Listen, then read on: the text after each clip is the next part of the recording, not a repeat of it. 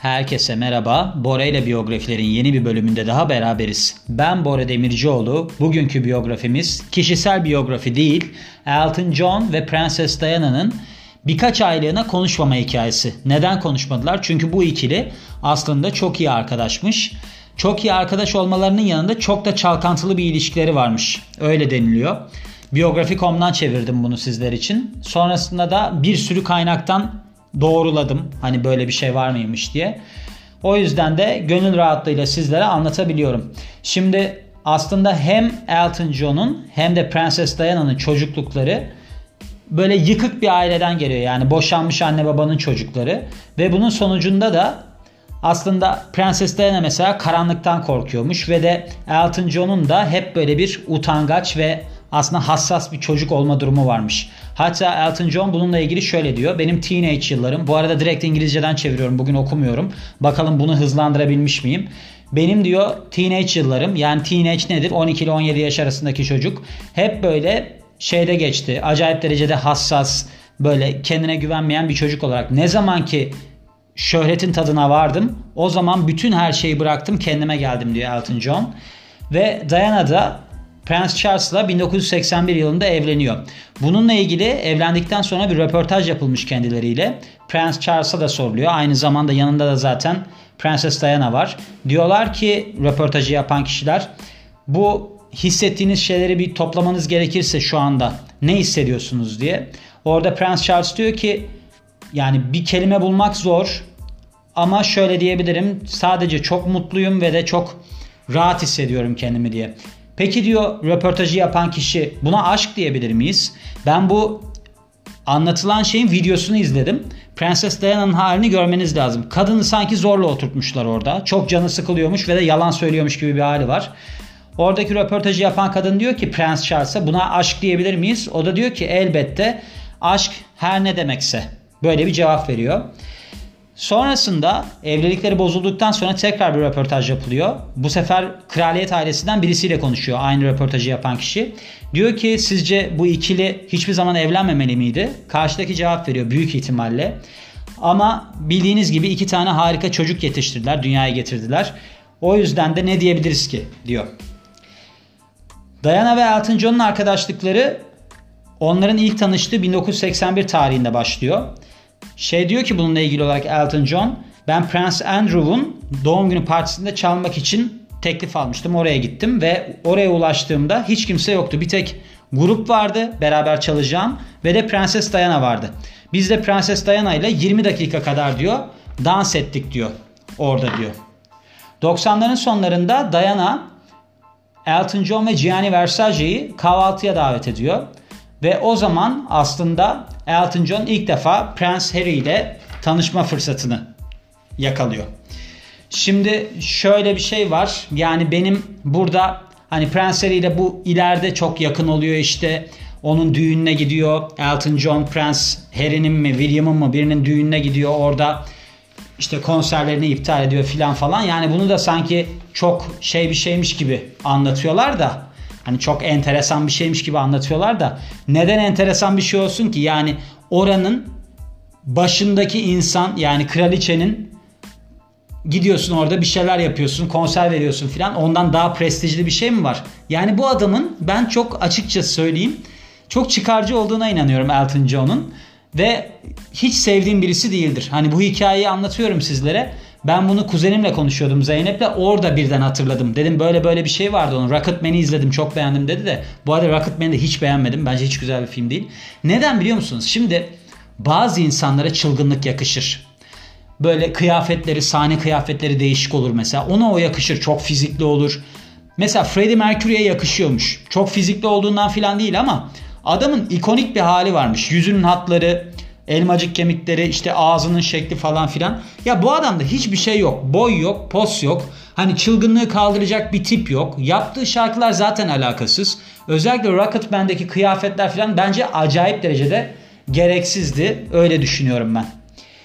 Neyse bu benim kişisel şeylerime çok girmeyelim. Şimdi bu kahvaltıda tanıştıktan sonra işte Harry ile Elton John olaylar gelişmeye başlıyor. Yani konuşmalar falan filan çok artıyor. neyle ilgili artıyor? Gianni Versace o sıralarda Rock and Royalty diye bir şey yapıyor. Kitap çıkaracağını söylüyor. Ve bu kitapta diyor ki Prenses Diana'ya sen de diyor sayfalarda diyor yer alabilir misin diyor. Bununla ilgili olarak da bu olayla ilgili olarak da Me adında bir otobiyografi yayınlıyor 2019 yılında Elton John ve orada şöyle bir şeyden bahsediyor.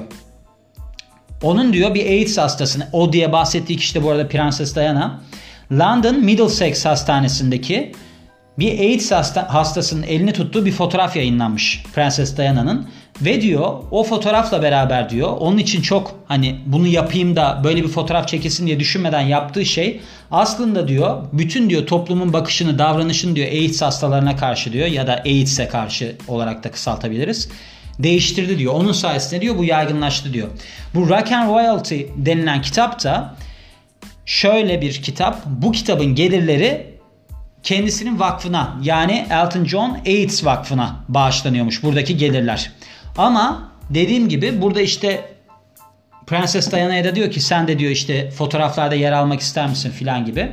O da tamam diyor kabul ediyor. Sonrasında Prenses Diana bir bakıyor ki o iki oğluyla beraber fotoğraf çektiriyor. Sonra bir bakıyor ki bu fotoğrafların arasında yani bu kitabın arasında yarı çıplak erkek modeller filan var. Hani anladığım kadarıyla biraz kitabı okumadım tabii ki. Amazon'da satılıyor. İsterseniz oradan okuyabilirsiniz alıp.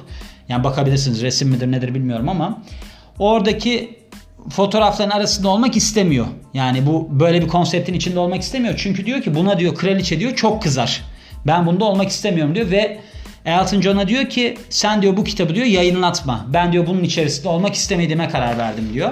Elton John da diyor ki ama bu kitap artık basıldı ve yayınlandı. Yani yayınlanmak üzere. Ben bunu diyor değiştiremem diyor. Kusura bakma diyor. Ve bu yüzden de Prenses Diana çok aslında yaralanmış ve de kendine ihanet edilmiş hissediyor. Konunun özü bu. Yalnız şöyle bir durum var.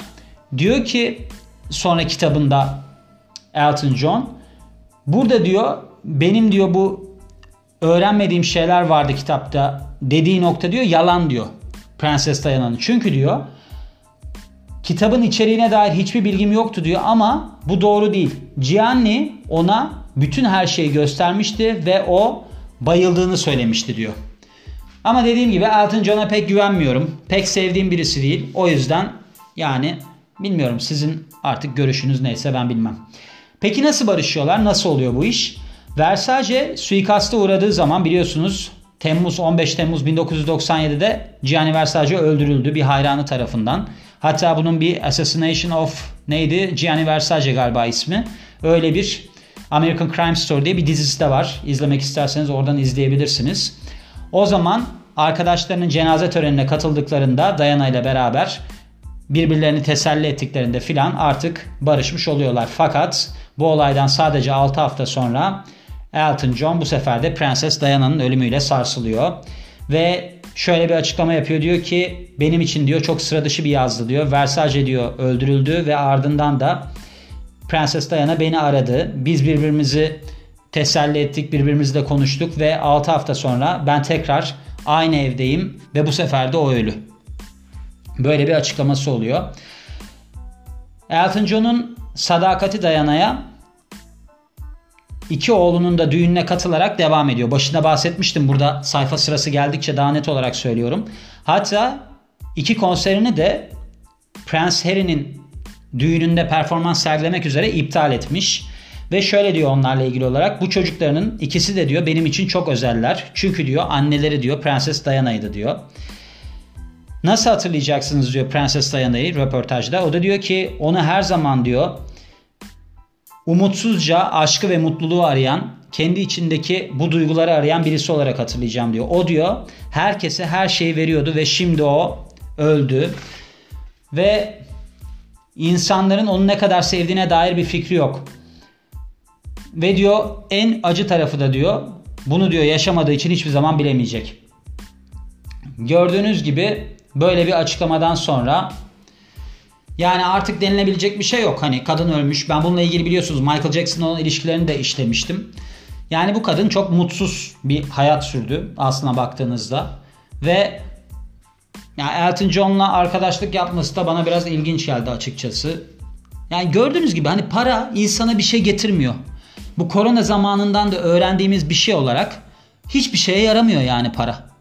O yüzden mutlu olmak bence en önemli şey. Gördüğünüz gibi kadın prensesti. Hiçbir şey olmadı. Mutluluktan hiç nasibini alamadı. Hiç mutlu olamadı.